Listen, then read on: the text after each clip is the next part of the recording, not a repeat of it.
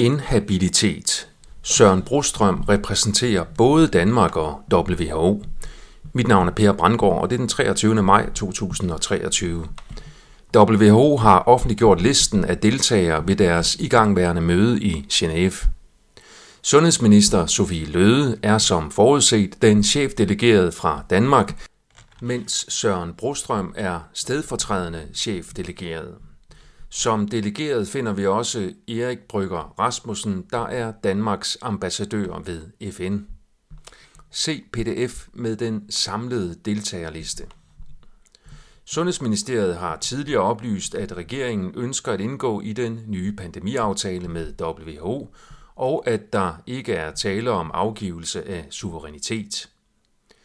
Hvis den foreslåede WHO-pandemiaftale og de foreslåede ændringer i International Health Regulations bliver vedtaget i den offentliggjorte form, så omfatter det, at WHO ændrer status fra rådgivende til regerende rolle over for Danmark i tilfælde af pandemi eller anden global sundhedskrise, som det i øvrigt er op til WHO frit at definere.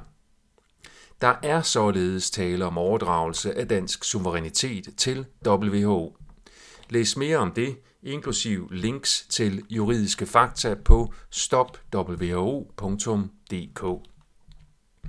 Det er min vurdering, at WHO-aftalen falder ind under grundlovens paragraf 20, der lyder stykke 1, og jeg citerer, Beføjelser, som efter denne grundlov tilkommer rigets myndigheder, kan ved lov i nærmere bestemt omfang overlades til mellemfolkelige myndigheder, der er oprettet ved gensidig overenskomst med andre stater til fremme af mellemfolkelig retsorden og samarbejde. Stykke 2. Til vedtagelse af lovforslag herom kræves et flertal på 5 6. dele af Folketingets medlemmer opnås et sådant flertal ikke, men dog det til vedtagelse af almindelige lovforslag nødvendige flertal, og opretholder regeringen forslaget, forelægges det folketingsvælgerne til godkendelse eller forkastelse efter de for folkeafstemninger i paragraf 42 fastsatte regler. Citat slut. Det betyder, at hvis Sofie Løde underskriver aftalen med WHO, så er aftalen ugyldig, da den skal understøttes af en dansk lov, der er vedtaget af et flertal på 5 6. af Folketingets medlemmer. Der kan også være tale om, at Sofie Løde udfører landsforræderi. Det fremgår af grundlovens paragraf 19 stykke 1, at kongen ikke kan give magt til WHO uden Folketingets samtykke og jeg citerer fra grundlovens paragraf 19 stykke 1. Kongen handler på rigets vegne i mellemfolkelige anlægner. Uden Folketingets samtykke kan han dog ikke foretage nogen handling, der forøger eller indskrænker rigets område, eller indgå nogen forpligtelse til hvis opfyldelse Folketingets medvirken er nødvendig, eller som i øvrigt er af større betydning – ej heller kan kongen uden Folketingets samtykke opsige nogen mellemfolkelig overenskomst, som er indgået med Folketingets samtykke. Citat slut. Sofie Løde er som minister kun forpligtet over for kongen ifølge grundloven.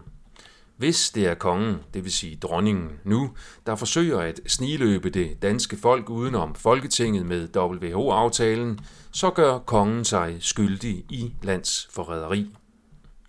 Sofie Løde har Søren Brostrøm med som vicechef delegeret, som vi må antage, at hun lytter til for sundhedsfaglig og politisk rådgivning, i det Brostrøm er uddannet Ph.D. i medicin, og Løde er uddannet bachelor i erhvervsøkonomi og virksomhedskommunikation.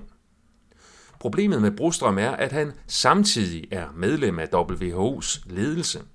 Det betyder, at han repræsenterer både Danmarks og WHO's interesser ved det samme møde.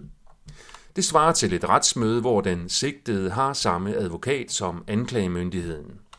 Udfaldet vil på den måde være bestemt på forhånd. Der er efter min vurdering flere årsager til, at vi er havnet i denne groteske situation, hvoraf de to primære er kollektive psykologiske senfølger af coronatraumet og en forvrænget opfattelse af, hvad eller hvem WHO egentlig er. Som følge af coronatraumet er vi herunder vores kære magthavere og politikere, meget mere tilbøjelige til at overdrage ansvaret til højere autoriteter for at slippe ud af den kollektivt kaotiske sindstilstand. WHO opfattes som sådan en højere autoritet, selvom det er en opfattelse, der ikke længere er sand, siden WHO begyndte at blive massivt finansieret af andre instanser med andre interesser end nationalstater, og derved blev en global udemokratisk stormagt. At overdrage den sundhedspolitiske selvbestemmelse til WHO svarer efter min mening til at overdrage den narkopolitiske selvbestemmelse til Hells Angels. Det kræver en høj grad af ignorance, bedrag, idioti, bestikkelse, afpresning eller trusler at gøre det.